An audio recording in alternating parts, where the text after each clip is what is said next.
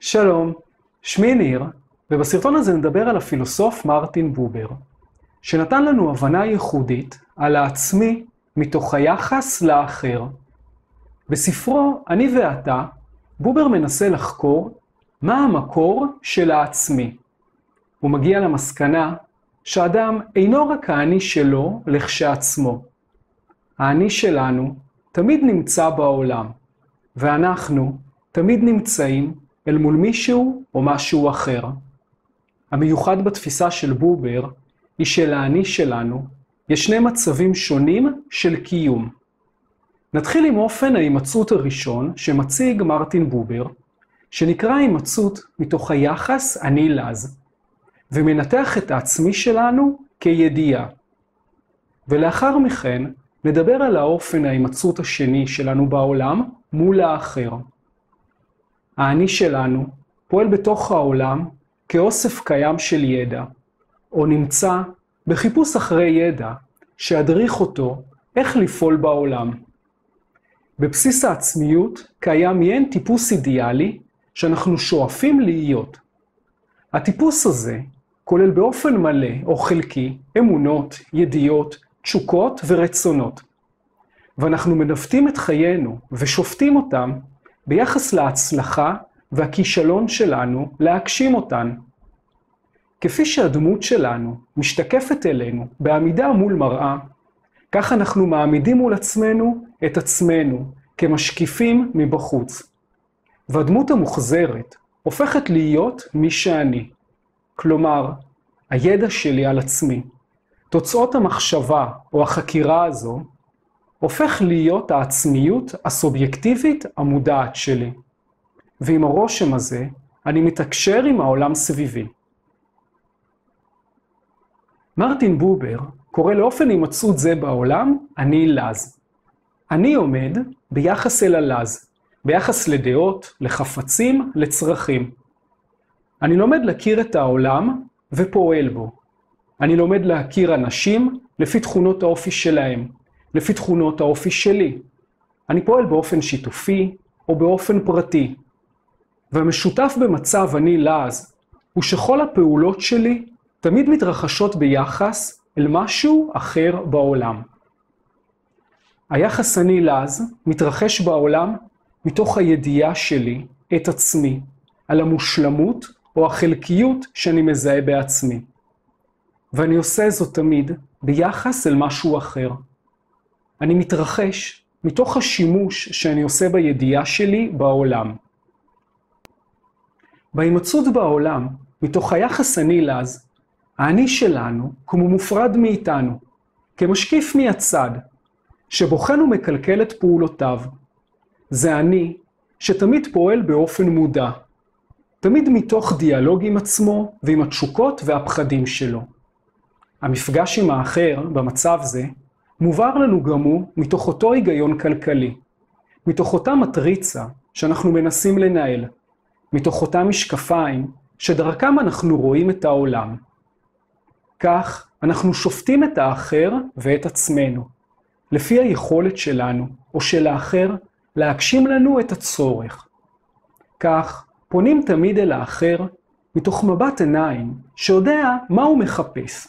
לדוגמה, אנחנו שופטים מראש אנשים לחיוב או לשלילה, לפי המראה והביגוד שלהם, לפי המין שלהם, לפי המצב הכלכלי שלהם, לפי ההתנהגות שלהם, שנראית לנו נכונה או לא נכונה. זה מצב תודעה שיפוטי ותועלתני, כלפי עצמנו וכלפי האחר. התפיסה הזו מגיעה לשיא בתרבות הנוכחית. תרבות שמלאה במדריכי התנהגות. דוחפת אנשים לעשות מייק אובר במראה החיצוני או בסגנון החיים, וקדושה בפרסומות שמהוות מדריכי בזק לשיפוט ותועלת. לדוגמה, אנחנו לומדים לזהות דרך עולם הפרסומות האינטרסנטי והציני מהי המיניות הנכונה, ואנחנו מחפשים פרטנר בעל תכונות זהות לדמות מהפרסומת. אנחנו רוצים שיכבדו אותנו, אז אנחנו משכפלים מחוות גופניות ואמירות שלמדנו, שהן מקנות כבוד או פופולריות. וכל המעשים האלה תמיד נעשים מתוך היגיון חפצי, היגיון ששואל, איך הכי נכון להתאים את עצמנו למצב על מנת להפיק את המירב.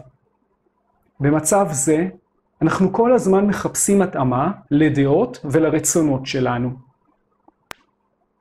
כך, עם העמקת הידיעה והתבססות הדעות שלנו, מתוך השוואה של עצמנו, עם טיפוס אידיאלי פנימי, אנחנו גוזרים על הקיום שלנו להיות מוגדר ומדיד כמו חפץ. אנחנו מתייחסים אל העצמי שלנו דרך תפיסות של קניין ומחסור. מה יש בי? מה חסר בי? מה אני צריך להשיג? באופן הזה, אנחנו תמיד איבר מופרד בעולם, שנמצא בנתק תמידי מהדברים. במצב הנעלז, אנחנו או מחפשים אחר התיאוריה שתסביר לנו את העמידה הנכונה בעולם, או שאנחנו כבר מחזיקים את התיאוריה ומנווטים את חיינו לפיה. בשני המקרים, התוצאה היא עמידה במקום. זה היגיון המרוקן את החיים שלנו מהחיות שלנו.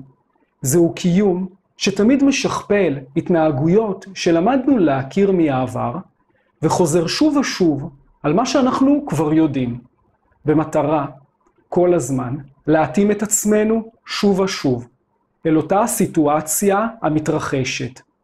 בנוסף, זה היגיון שמעקר את החיות של האחר, כי הוא מיד פוסל את מי שאינו מתאים לתפיסות המדומיינות שלנו. ומי שכן מתאים וקיבל את אישורנו, אינו יכול לסטות לצדדים.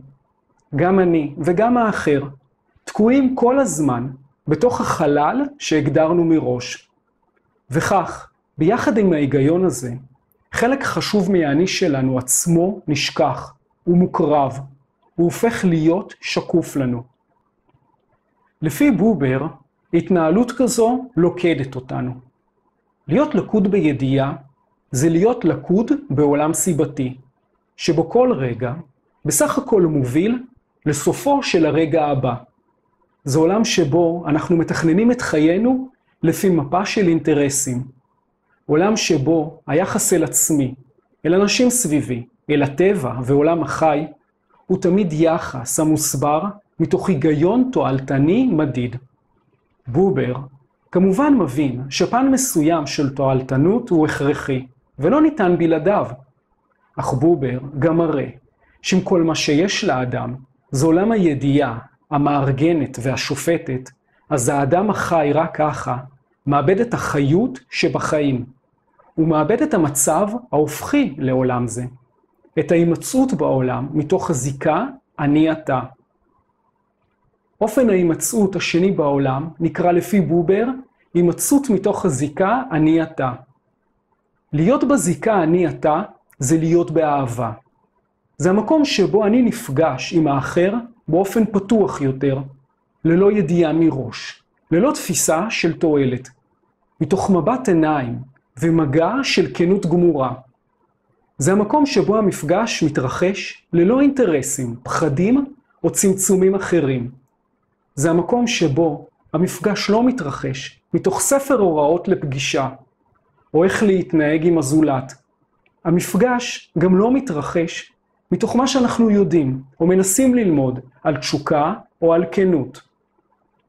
העצמי מגיע, פתוח ומוכן, לפגוש באמת ולהכיל את האחר. לדוגמה, במפגש עם בעל חיים, אנחנו יכולים לרגע לראות עיבוב של תבונה ורגש בעיני החיה. אם נשים בצד דעות קדומות לגבי עליונות מוחלטת של תודעה אנושית על תודעת החיה, או תפיסות שמציבות את החיה כקניין או חפץ לניצול. אז מה מיוחד לפי בובר ביחס אני אתה, ברגע הזה, שבו אנחנו פוגשים מתוך נוכחות מלאה את האתה, שהוא האחר. אנחנו נזרקים החוצה מכל הגבולות שלנו, ומתרחש בנו משהו חי ושלם.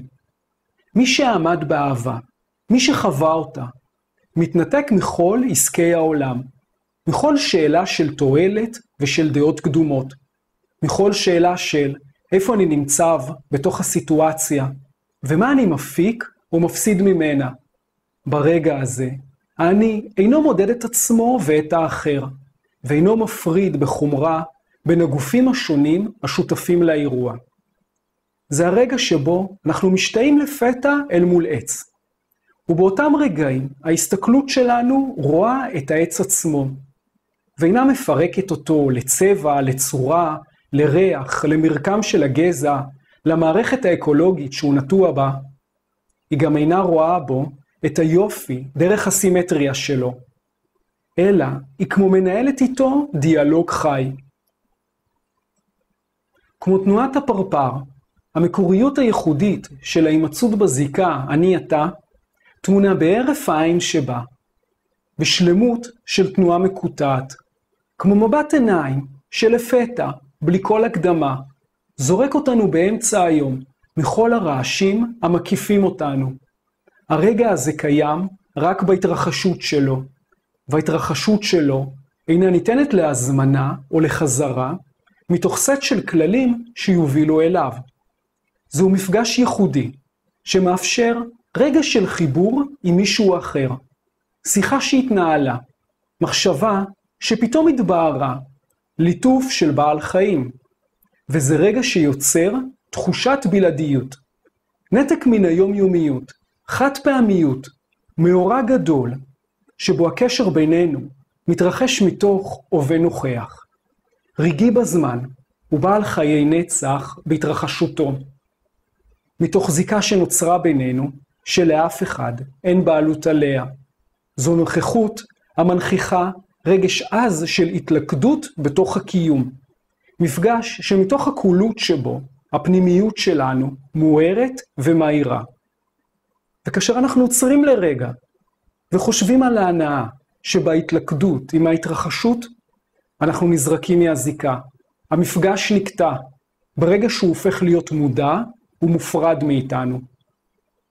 בובר מראה שאנחנו תמיד חיים בתוך העולם, ובכדי להמשיך ולחיות, עלינו גם תמיד לחיות בתוך העולם. כך גם ההבנה והמחקר שלנו את העולם תמיד מתרחשים בתוך העולם, וכך גם עליהם להיות. אך כאשר אנחנו מבינים את האדם רק כך, האני של האדם מופרד לחלקי חלקים, בהם כל חלק מוסבר על ידי החלקים האחרים. במצב זה, האדם והעצמיות שלו הופכים להיות בסך הכל עוד דבר בעולם, שצריך לדעת, לקחת בחשבון, לפי האינטרס העומד על הפרק. במצב זה, מרכז קיומו של האדם הוא האינטרס, והפנייה אל עצמו ואל האחר מנוהלת תמיד לפי האינטרס הספציפי. אך הפילוסופיה האקזיסטנציאליסטית של מרטין בובר מציעה מבט נוסף על העצמיות שלנו. האני שלנו הוא כפול, אומר לנו בובר. הוא גם מתרחש בעולם מתוך נפרדות וידיעה, והוא גם מתרחש מתוך שלמות עוטפת, שאינה ניתנת לפירוק ושחזור. כל אחד ואחת מאיתנו בוחר פעם אחר פעם האם להקשיב להתרחשות של אני אתה, לאפשר לעצמו להיות נוכח בעולם שנפתח לפניו ללא כל הזמנה, להתמסר אליו, ולאפשר לעצמו להתקיים מתוך ההתרחשות וביחד איתה, או להיסגר בפני מצבים אלה, ולהסביר בביטול את ההתרחשות כמצב הזייתי של שכרות, כתוצאה של שחרור אנדרופינים במוח, הגורמים לתחושת הנאה ושחרור, או פשוט לתאר מצב זה באמצעות המילה מיסטיקה. כל אחד מאיתנו בוחר כל רגע בחייו את התשובה שלו לשאלה, מהו המקור של העצמי שלו, ומהו המקור של היחס שלו אל האחר. האם המקור הוא ידיעה, והצורך להתאים את עצמנו שוב ושוב אל הידיעה שמבוססת על האינטרסים הטמונים בה, או שהמקור הוא מעיין שופע של חיות ופליאה, שאליו אנחנו מגיעים מדי פעם ובמקרה, שבתוכו הקיום שלנו מתרחש מתוך קולות מפתיעה, עד שאנחנו טובים בה בחטבה, ובחזרה ממנה, גם אם עדיין לא גילינו את העצמיות שלנו, אנחנו רוצים לשבור את קירותיו של עולם החיים שקפא. אז עד כאן עם הדרמה שיש בפילוסופיה אקזיסטנציאליסטית, ואני מזמין אתכם להירשם לערוץ שלי ביוטיוב, כדי להמשיך ולברר האם המשמעות של להיות חילוני מחייבת אותנו להאמין שסתירות אינן יכולות להתרחש בעולם.